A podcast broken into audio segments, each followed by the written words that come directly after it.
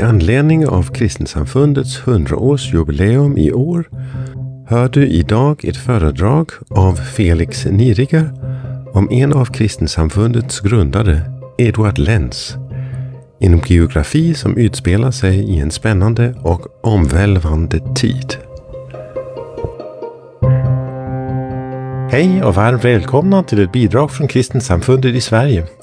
Bidraget idag är spelat in på Kristensamfundet i Sveriges Mikaelimöte i församlingen i Järna, oktober 2022. Kristensamfundet lever enbart av frivilliga bidrag och vi skulle vara mycket tacksamma för ditt stöd. Information om hur du kan stödja oss hittar du om du lyssnar på Youtube på sidan här nedanför. Om du lyssnar i din podcast-app hittar du detta i informationerna om avsnittet du lyssnar på. Du kan också gå till vår hemsida kristensamfundet.se under fliken Stockholm. Stort tack för ditt stöd. Det hjälper oss att fortsätta arbetet. Ja, Kalle sa till mig att jag skulle presentera mig själv. Och eh, det har jag gjort nu. Eh, men eh, alltså jag, jag är präst i Norrköping och det är väldigt fint där och vi har handling varannan vecka. Och ehm, ja, det är väl ungefär det som är viktigt just nu. Och ehm, jag ska berätta ur ett liv av en av grunderna i kristensamfundet som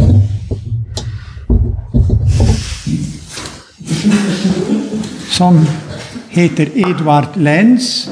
Och några av er, eller kanske många av er, har sett att vi har en skrift på svenska, Högtider, betraktelser av Edvard Lenz. Den finns att köpa också. Um,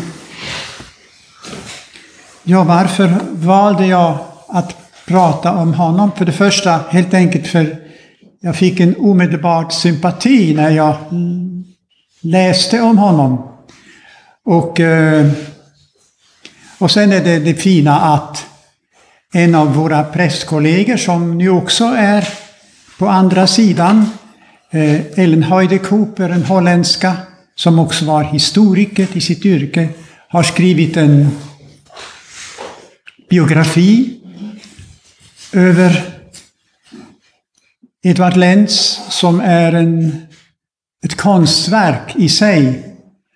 Och eh, den boken ger ju en, en bild och har också egentligen förnyat bilden av eh, prästerna eller präst, prästen och kristensamfundet hur det var i början. För man hade ju lätt intrycket av förr i tiden att det var liksom en, eh, en saga det hela.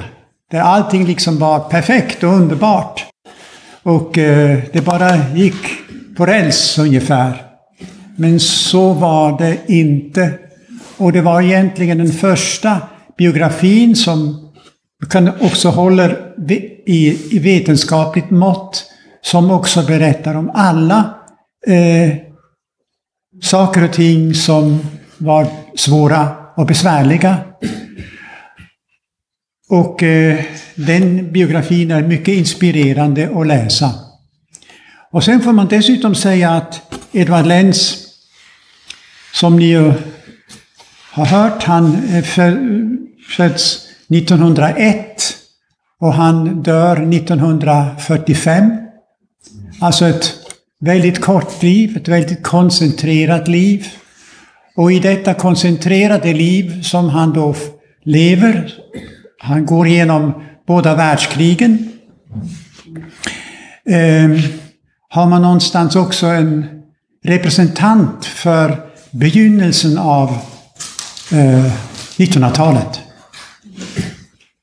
Som verkligen med hela sin själ, med hela sin ande och sen också fysiskt går igenom det som är århundradets förra århundradets signatur. Och eh, där ute på väggen där, baksidan av den här dörren, hänger några bilder som man kan se hur han såg ut och hur det var. Det finns några bilder också från Fridel, hans hustru, som spelar en väldigt, väldigt avgörande roll i den här biografin, eller i hans biografi och i hennes biografi. Naturligtvis. Han föds alltså 1901 eh, i en mycket katolsk familj. Han är sladdbarnet, den yngsta av sju syskon. Och eh, där, de, där han växte upp hade familjen flyttat in som främlingar. Pappan var någon sorts tullinspektör så att han hörde liksom, inte till folket så. Han var, de var alltså lite grann utifrån. Främlingar. Som man ju på den tiden väldigt lätt blev. Och han själv som barn redan känner sig lite främmande. Och känner sig också främmande i sin egen familj. Alltså denna signatur av hemlösheten följer honom från första ögonblicket. Han har en liten kult varje dag. Där har han sin egen mässa som han håller, bygger upp ett altare av stenar och tycker att prästen som celebrerar kulten i katolska kyrkan, han gör det inte riktigt bra. Han gör det här bättre. Och omgivningen som han då lever, som sagt, är präglat av en gudstro och en vördnad och trygghet. Det finns där överallt. Men det som saknas fullständigt, det är allt det som har med individuell strävan att göra. Alltså ett ett gammalt samhälle och där han nu föds in i det där och in i extrem katolicism. Det heter Brückenau och är norr om Würzburg, den här byn. Familjen flyttar sedan. Han kommer till Erlangen och eh, går sedan där på gymnasiet. Och vid 15 års ålder då blir han, lär han känna sådana där vanderfögel och han blir en utav dem. Och där finns det många andra. Det finns, finns, finns en, en som han blir väldigt god vän med som heter Wilhelm Kelber.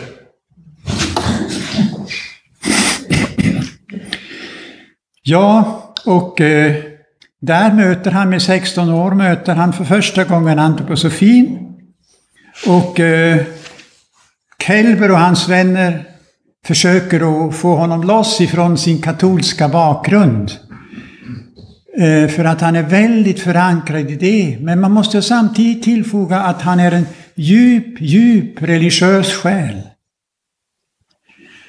Och det är kännetecknande för honom och många säger redan, ja men man ser redan lilla prästen i honom då. En katolsk naturligtvis då.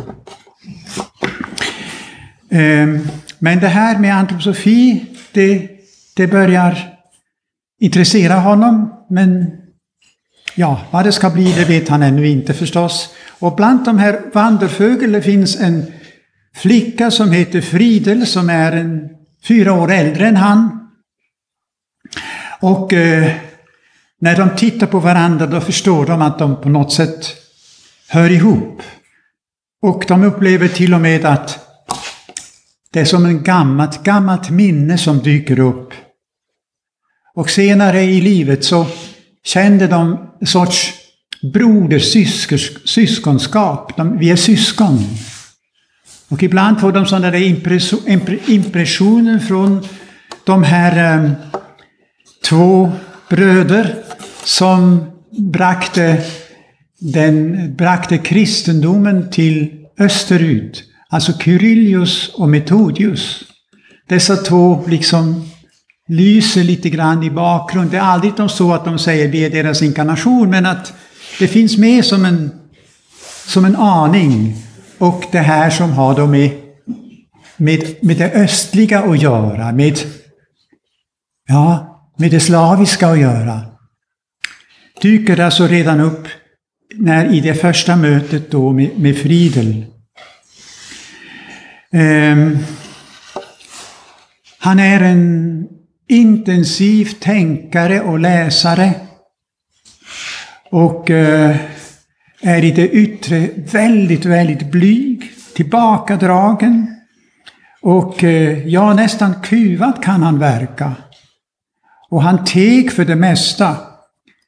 Senare när kristensamfundets präster samlade, blivande präster samlades i Breitbrunn några månader innan de samlades sen i Dornach. Då var han med hela tiden naturligtvis, men han sa inte ett ord. Finns, så att, eh, ja, så, så stilla var han. Han tyckte att de andra, de, de hade någonting att säga, men inte han. Och han ville innerligt någonting nytt som måste hänga samman också med ett nytt tänkande. Och han sa till sina studenter, gymnasiekamrater, eh, det behövs ett nytt, annat tänkande. Och det här tänkandet är klart, som, klart och kallt som is. Och glödande som eld. Vilket ingen förstod vad han menar. Som sagt, han sitter i sin kammare, studerar, tänker, läser. Han kommer sen så småningom att studera i, eh, i München och eh, studera då filosofi. Men ännu lite innan, där i, eh, i Erlangen, då ser man honom varje morgon klockan sex, mellan sex och sju, så är han på en bro som går där över en flod. Och där eh, sitter han och läser teosofi, för han har någon vän som har hjälpt honom med det där. Så varje dag mellan sex och sju, teosofi. Och de här stunderna, de där dagliga stunderna, de gör att han plötsligen försvinner den här melankolin som han är plågad av egentligen. Och han tycker igen att man har himlen över sig med stjärnorna och livet kan man leva igen och man kan ha en sund mark under fötterna. Ja, de här, det här unga paret som de småningom blir, de beslutar sig sedan 1920, då är han 19, att förlova sig där och samtidigt är han inskriven på universitetet där. Och eh, så möter de också andra ungdomar som har med antroposofin att göra. Och en som heter Gottfried Huseman, som sedan blir en väldigt viktig person i kristensamfundet, präst i kristensamfundet, att säga till honom, men Eh, 21 säger till honom, kom med oss, det är en kurs här på hösten som Rudolf Steiner håller. Och vi, vi kommer att vara hundra som är då intresserade i, i, i, eh, i, i en ny kristendom, i en ny kyrka kanske. Men när han då får höra att det består för det mesta utav eh, teologistuderande, då tackar han nej till den kursen och är inte med. Och, eh, men så småningom Tiden går och eh, när då eh, familjen får då sitt första barn och eh, på sommaren 1922, alltså det året då kristensamfundet grundas, då eh, föds, då eh, gifte de sig på sommaren 22. Och sedan kommer ju den här möjligheten för de unga blivande prästerna att träffas i Breitbrunn och senare i Dornach. Och där går han nu med. Det är Kelber som han alltså har mött där i, redan i Erlangen som som, är, som drar med honom. Och de här två blir ju då eh, väldigt viktiga i kristensamfundet och blir vänner för, för livet. Um, Edvard Lenns son Johannes gifte sig sen också med en dotter till, till, till Kelber. Renate Kelber gifter han sig med. Så att det är band, band, förbindningar då till livet som uppstår där. Men nu är det alltså då hösten 22, då är 100 år sedan, det som vi firar nu, då blev ju dessa 45 präster vigda. Och nu skulle de ju också arbeta, det fanns ju inga församlingar. Så de fick ju allt som så att säga från början startas upp och man skulle försöka vad man kunde göra. Och eh, då i början på 23, då utsändes eh, Edvard Lenz utsändes till Bochum. Och för där fanns ju också en del antroposofer som kanske kunde vara intresserade i en ny kyrka. Men tvärtom var det Snarare, det var snarare så att de inte ville ha någonting med honom att göra. De drev, det var, blev också en sorts, nästan, han blev mobbad skulle vi idag säga. Och han kunde inte landa på något sätt med det han ville. Det var det första misslyckandet då. Och han tog naturligtvis det som ett personligt misslyckande. Melankolisk då som han var. Och så kom han då på försök till församlingen i Fürth. Där fanns det en hel del syndikalister och anarkister. Och de tyckte om honom och arbetarna också. Speciellt han, kunde, han hade ett eh, bra ämne för människor som stod med, med båda fötterna på jorden. Eh, men någon församling blev det ju aldrig där heller.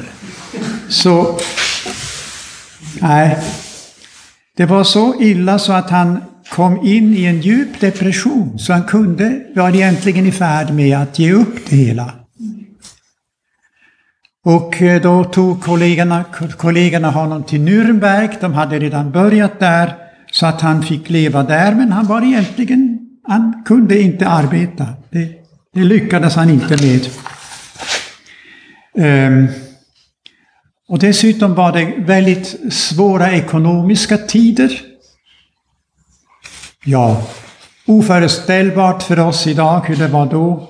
Så småningom fick de bostad. Det betydde att två familjer bodde i en, i en tvåa med, med två barn var så småningom. Så, sådana förhållanden var det där. Och för att liksom komma riktigt ner på jorden som en sorts självterapi så högg han ved ja, i parti och minut för att komma till sig. Och eh, så småningom fick han arbete på, ett, eh, på en blyertsfabrik i Nürnberg för att få lite granna eh, pengar att leva. Och i den här inflationstiden som var då, ja, värre än det kommer att bli här antagligen.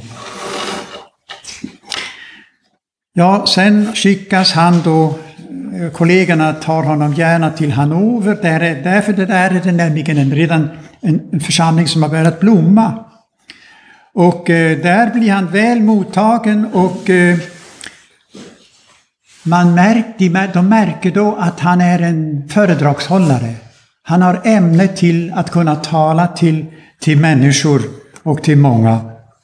Och eh, han, där kommer liksom för första gången någonting positivt som han, möt, som han kan möta för, för sig själv. Och eh, man får ju tillfoga att han ju innerligt sett var en väldigt skapande människa och väldigt flitig person.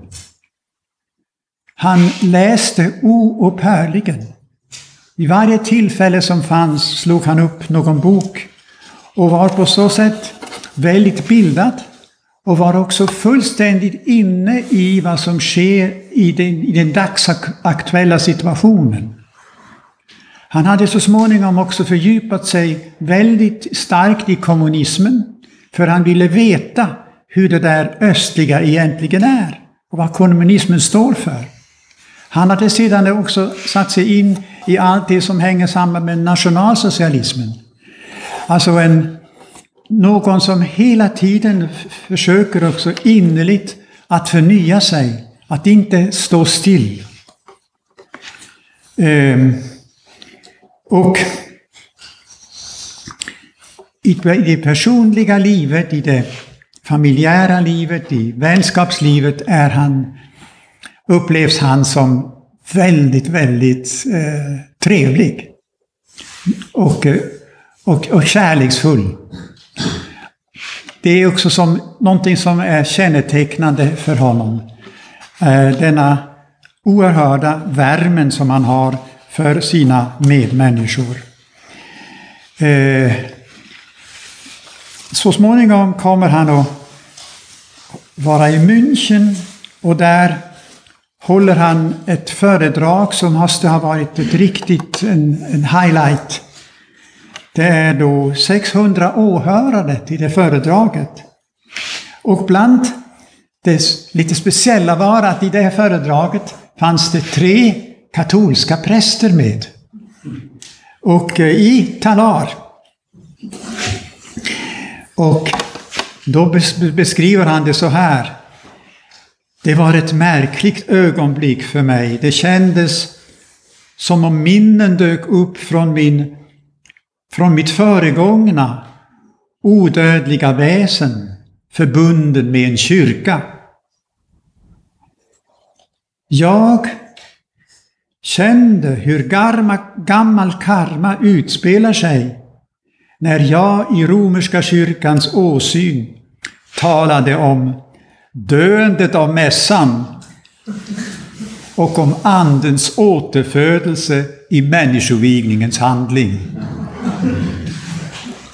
Och Rittelmeier som var med på det föredraget, han sa då, ja, det var ett ögonblick av högsta spänning när, när detta hände där i salen.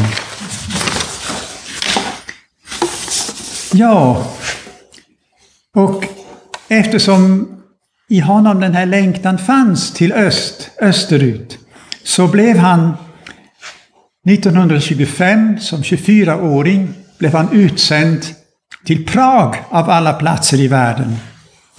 Han kunde inte ett ord eh, tjeckiska. Men han tyckte det var väldigt spännande att där i Prag också kunna möta människor som, som, som kom från Ryssland. Och det var liksom som liksom hemluft, kände han detta. Och där i Prag grundade de församlingen alltså och den första handlingen hölls på, till julen 25 på tyska. Och eh, han var sänd tillsammans med en annan präst som heter Josef Kral. Han måste lära sig tjeckiska, det, går inte, det har han det inte lätt för. Han lärde sig faktiskt aldrig riktigt ordentligt. Men det som han uppskattade var den här omedelbara sättet av tjeckerna att ta upp det religiösa som ett, som ett element som ligger där i folket. Men arbetet går inte riktigt framåt ändå. De försöker så gott, så gott de bara kan. Och eh, båda är då med i sådana här salonger som fanns där i, i Prag, där ja, den bildade befolkningen satt och ja, hade kulturellt liv i salongerna. Eh, familjen får två barn. Eller två barn till, man säger att de hade haft, de hade ett, ett tidigare som eh, och så är de numera redan tre barn och senare kommer då ett fjärde barn till. Och det som nu börjar att, att visa sig för honom att han får problem med halsen. Alltså man tänker sig en människa som nu helt är eh, förbunden med ordet och att skapa, verka genom ordet, nu plötsligt får kroniskt, kroniska halsinflammationer. Alltså en svår situation som han eh, eh, befinner sig i. Och det som är också inte lätt, det är då att eh, detta förhållande som de har, eh, dessa, eh, alltså Friedel och, och Edvard, som är ett väldigt, det där djupa förhållande, de måste ofta, kan de inte bo tillsammans på grund av hans arbete eller på grund av att det inte finns pengar. Så eh, Friedel måste vara till, till, tillbaka till sin, till, sin, till sin familj för att överhuvudtaget klara överlevnaden av barnen. Och eh, dessa smärtor av måste vara skild. Det blir sen för honom, och det är säkert typiskt för honom, att han då med, med sin möjlighet att förinnerliga ting och upplevelser ur detta att behöva vara skilt sär isär, att detta också kan ha någonting som leder vidare, någonting positivt i sig. Och då säger han så här, och det, man, man föreställer, föreställer sig då alltså en 25-åring som skriver då till sin brud eller sin fru. Är det inte bra att känna längtan brinna och inte hitta lindring? Jag har märkt, Fridel, att jag aldrig, aldrig starkare blivit medveten om mina andliga krafter än i de ögonblick då längtans krafter strömmade fritt och inget fanns att tillfredsställa dem. När längtan finns där, men det går inte att tillfredsställa den. Jag tror att det inträder i själen ett ögonblick som man noga bör fokusera på. Bästa egna krafter rövas bort om man alltid bara ser på uppfyllelsen av ens längtan. Man kan också säga följande.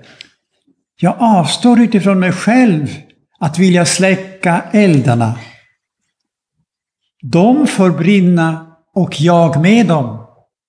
Att man är inne i denna förbränningsprocess själv. Alltså, terapi för utbrändhet också. Då inträder någonting annat. Eldarna bär en fram till anden. De brinner inte ut oss längre. De leder till andlig förbindelse.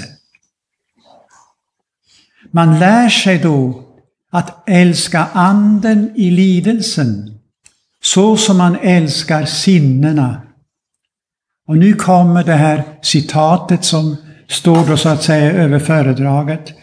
Detta är skaparkraft ur vanemakt.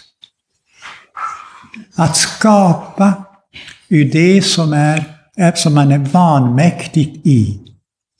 Och det kommer att vara hans livssignatur som går genom som en tråd.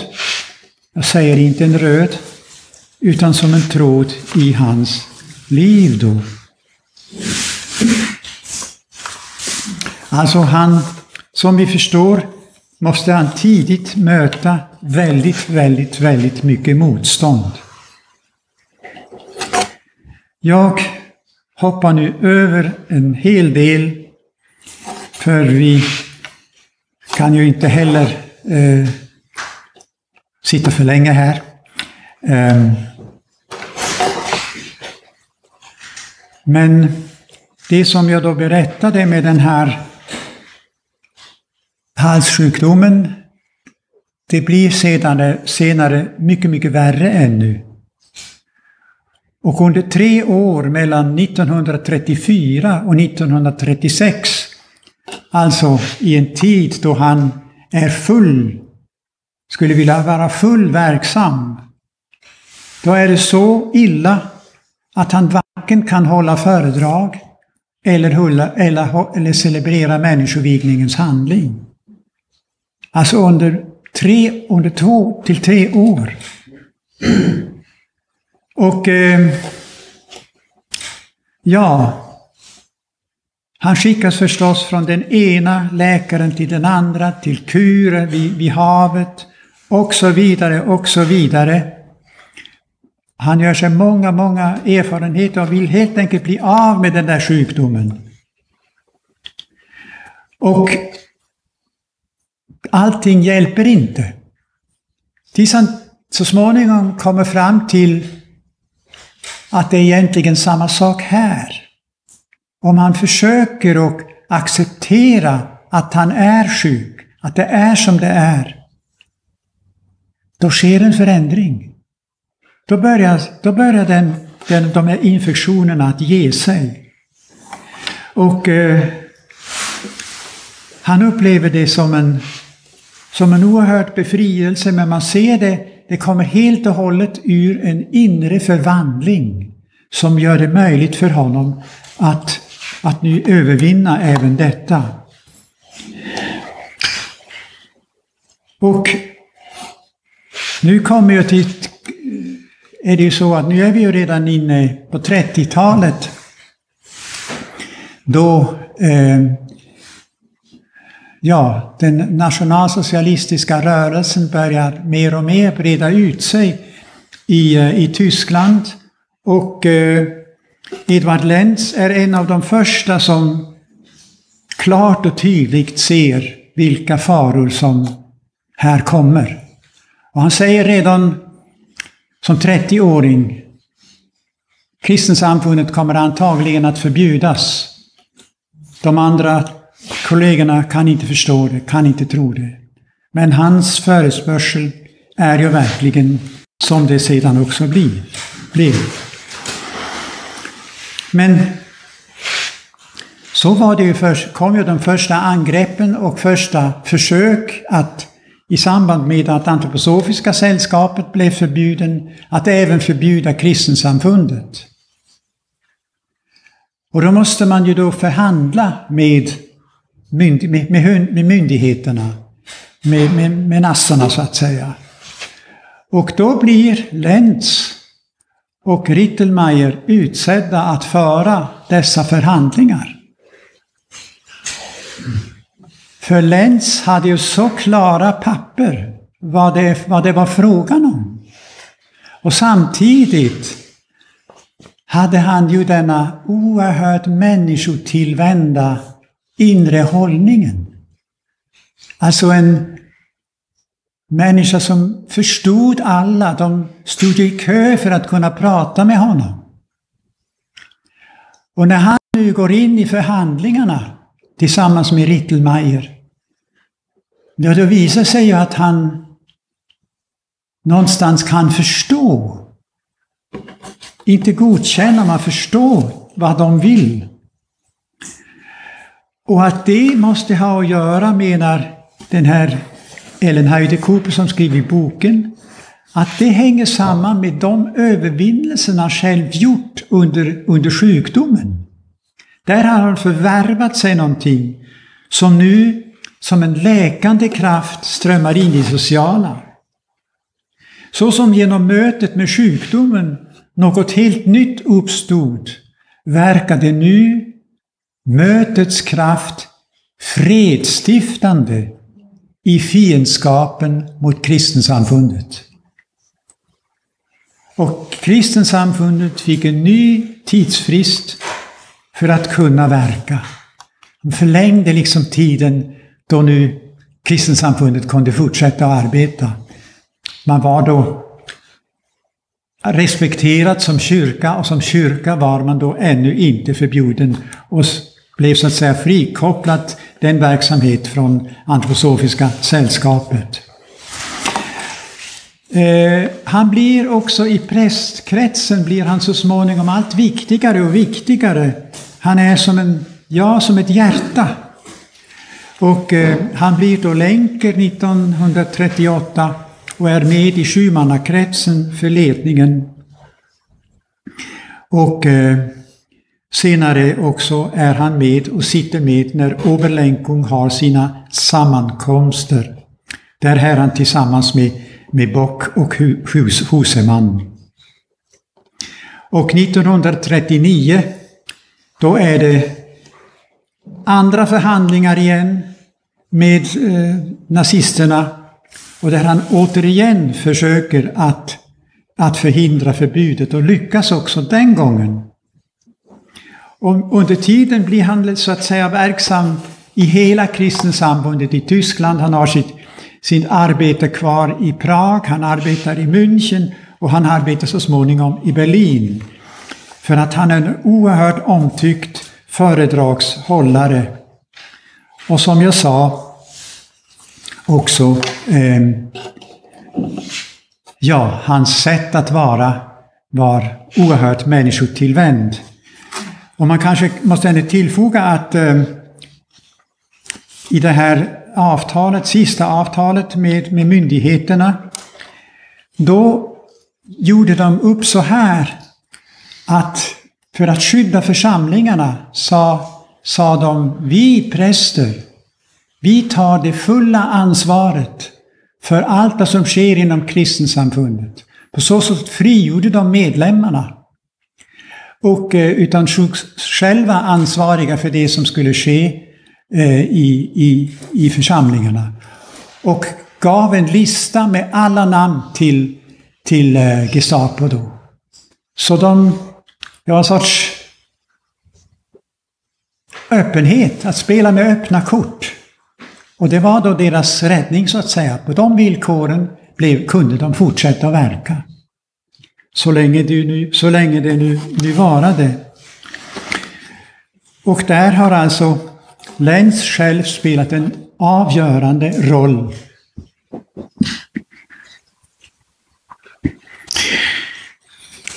Och Kanske ett ord av Edvard Lenz som är storartat. Vi, vi känner det i andra sammanhang också.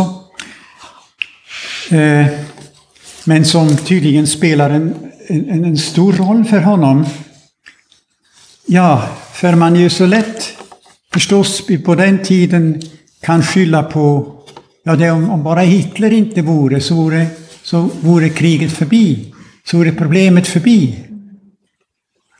Om bara Putin blev skjuten så var det ju bra, eller, så, eller bombade då, eh, vet jag, Pentagon, så hade man massa problem lösta. Men krisen beskriver Lenz så. Krisen är någonting som kommer, men det är så att en kris, när en kris kommer i mänskligheten betyder det ju egentligen att en inre ny färdighet ska kunna uppstå genom krisen. Det är krisens egentliga mening. Det är inte Putins eller Hitlers mening, utan det är någonting som ska förändras. Och då är därför krisen där, det vet man ju i det egna livet också. Och gör man inte den förändringen, ja, då brakar det ner förstås. Och det är ju en, egentligen en, en självklar insikt, men det måste man ju leva fram och göra tydligt att det är så. Och i den, under den, i den hållningen levde han sitt liv förebildligt. Alltså, inför tidssituationen, och det må väl gälla även idag, det är inte vanmakt som gäller där, eller resignation, utan istället förstärkt aktivitet. Göra allt som bara går, som är möjligt, att komma överhuvudtaget vidare.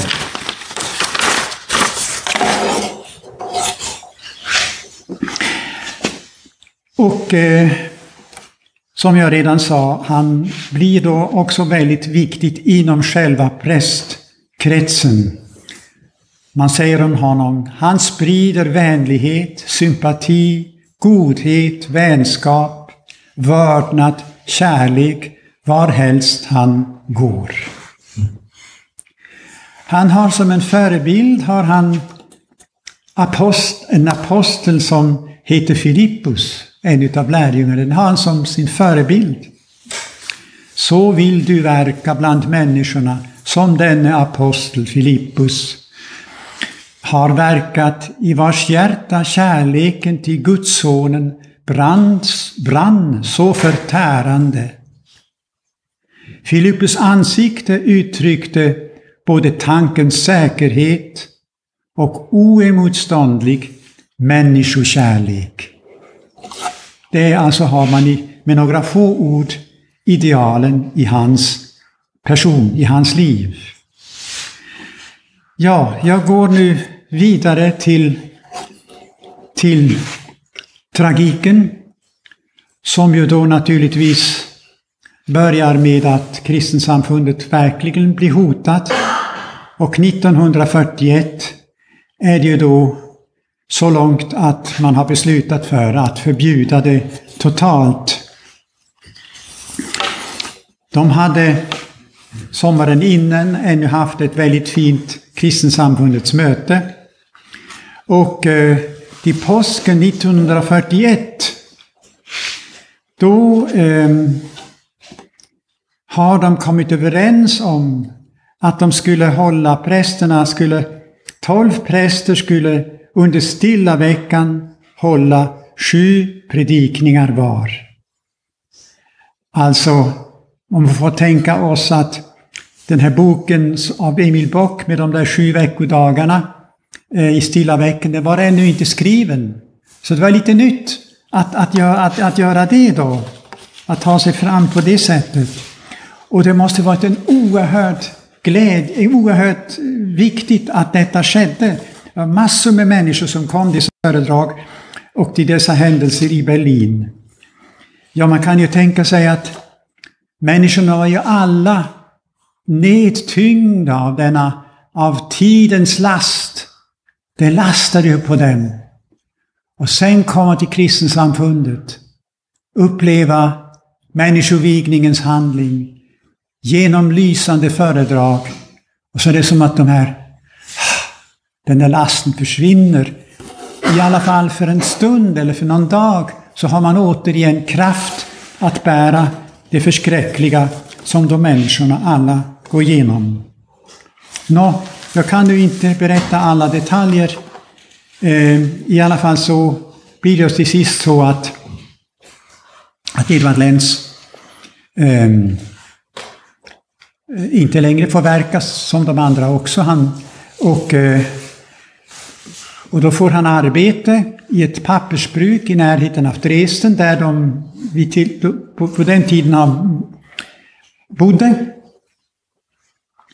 Och eh, tar alltså, han är personalchef där. Så han har blivit anställd där i den, här, i den här pappersfabriken. Och familjen lever där i Dresden. Men så kommer Gestapo och han blir som före detta präst direkt avskedad i, i fabriken. Och eh, vad ska han göra? Och hans vänner rådar honom det säkraste du kan göra, fast det är osäkert, det är att bli soldat. För då är du på sätt, på sätt och vis, ja, då är du respekterad som soldat. Han gör det.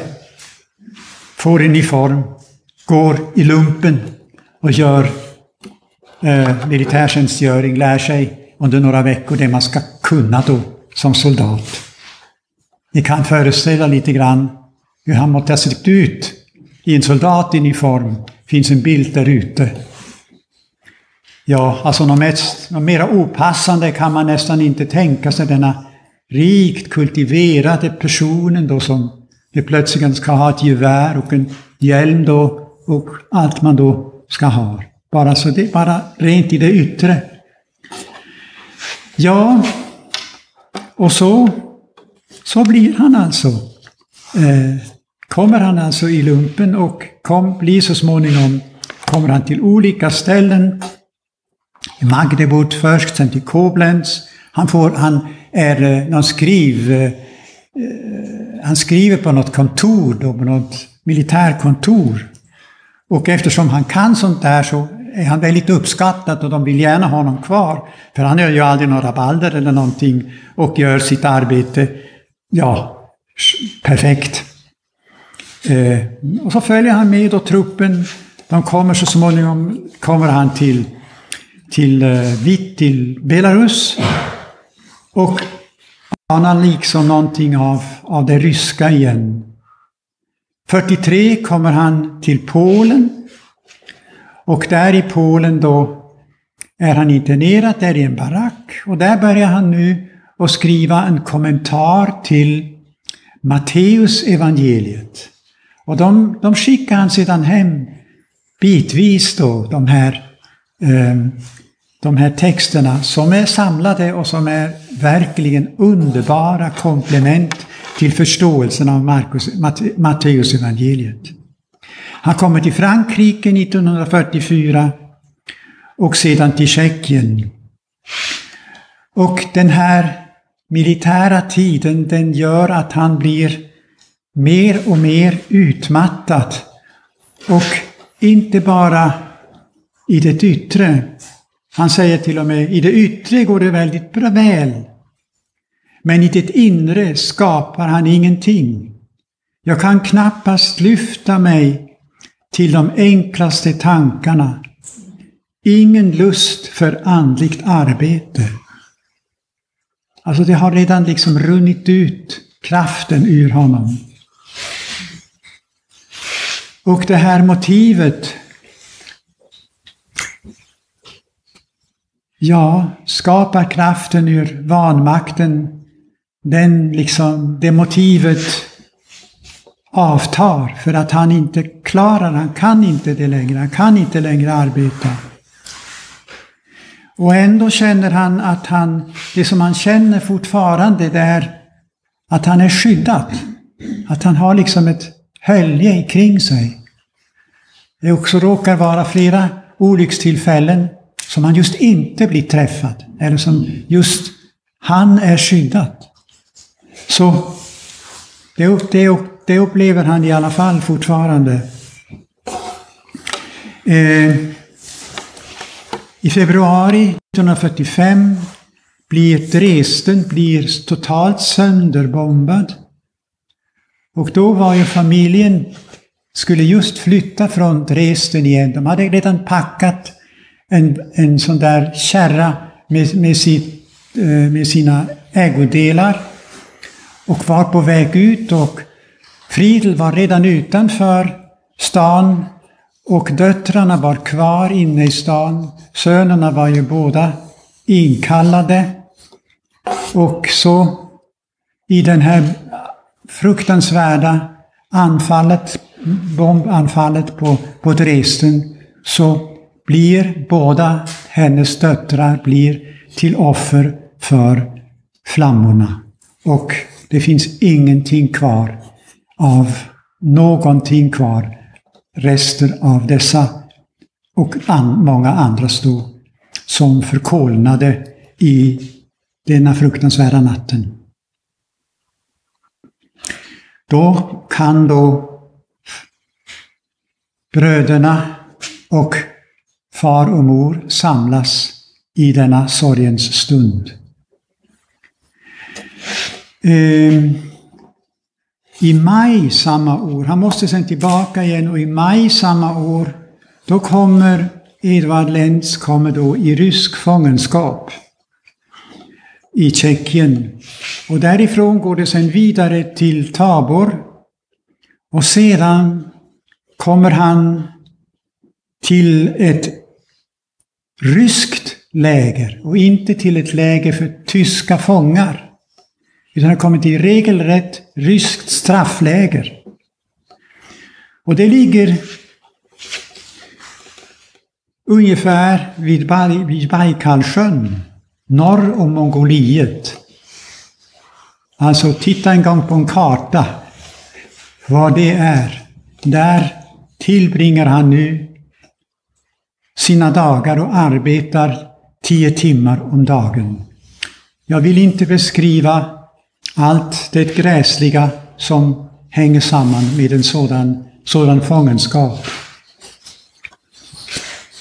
Men det lider han genom och han blir så småningom blir han så utmattad att den 1 november det året, då blir han fri och kan transporteras hem med andra eh, frigivna fångar där i ändlösa resor tillbaka med i, gods, i, eh, i godsvagnar. Ja, och då vill ödet det att han har en medfånge som han ännu kan meddela lite grann vad som är viktigt för honom. Och han har, ingen vet hur det var möjligt, han har kunnat spara en liten, fick, en liten väska, en ficka med vigselringen och en liten bok, handskriven bok på grekiska med eh, Johannes uppenbarelseboken.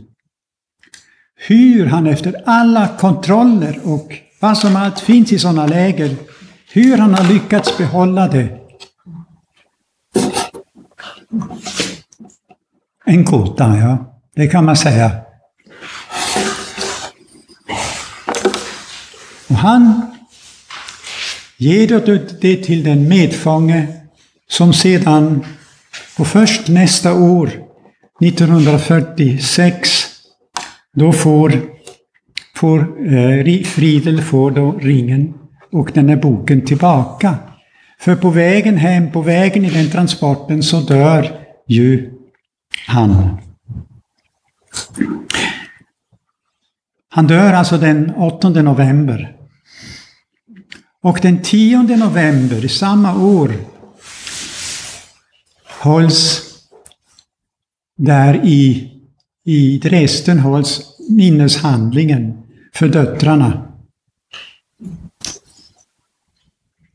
Ja, jag kanske vill avsluta med två, ännu två citat av, av Johannes Lenz som på något sätt kan ge lite belysning av dessa två människor som ju hör verkligen ihop. Man kan inte se varken Fridels eller Edvards liv utan deras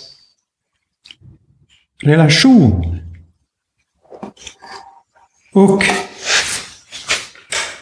då finns en fin text av eh, Lenz som kanske någonstans belyser någonting av eh, situationens, livssituationen, livsmönstret för Friedel.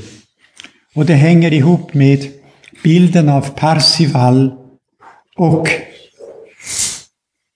ja, i Parsival med Sigone och den döde Kinantulander.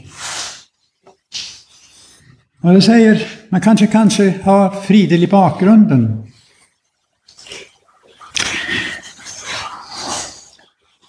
Den bärande modern lever egentligen i en bild av den heliga graalen. Hon själv som födande står helt och hållet under månens inflytande. Människans jag som inkarnerar sig i henne stiger ner från solens sfär. Som vi hörde i morse. Solen i månskålen är kvinnan som bär ett barn under sitt hjärta. Och nu kommer det, men ännu viktigare är väl den andra bilden i gradens hemligheter.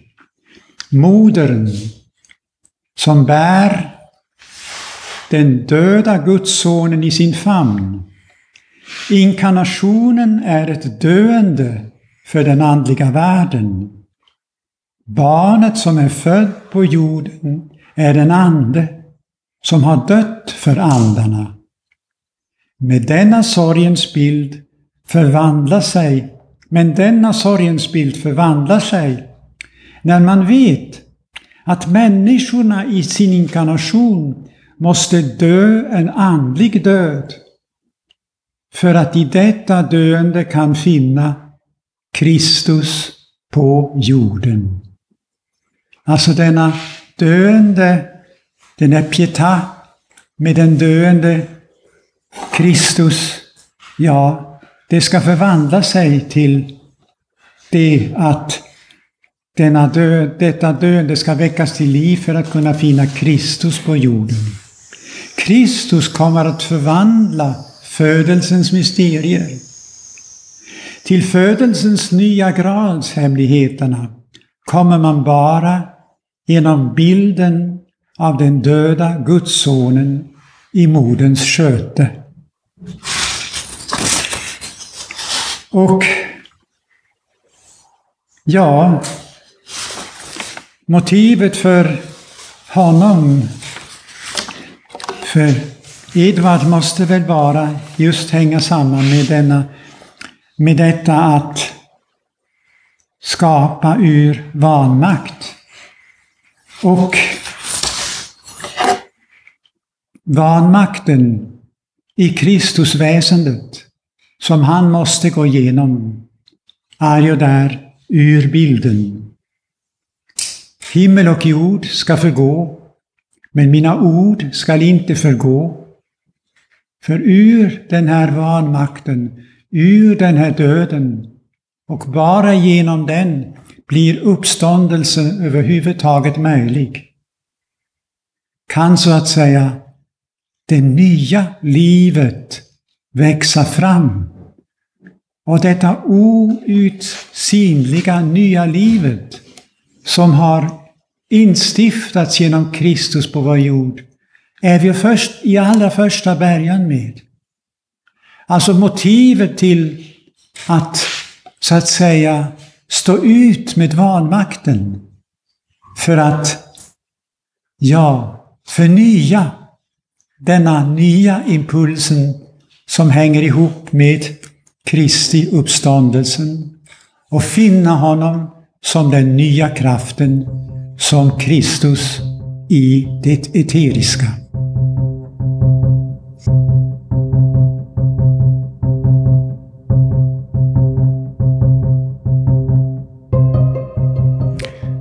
Det var allt för idag. Tänk gärna på en ekonomisk gåva om du har möjlighet. Konto och swishnummer hittar du i informationerna till potten.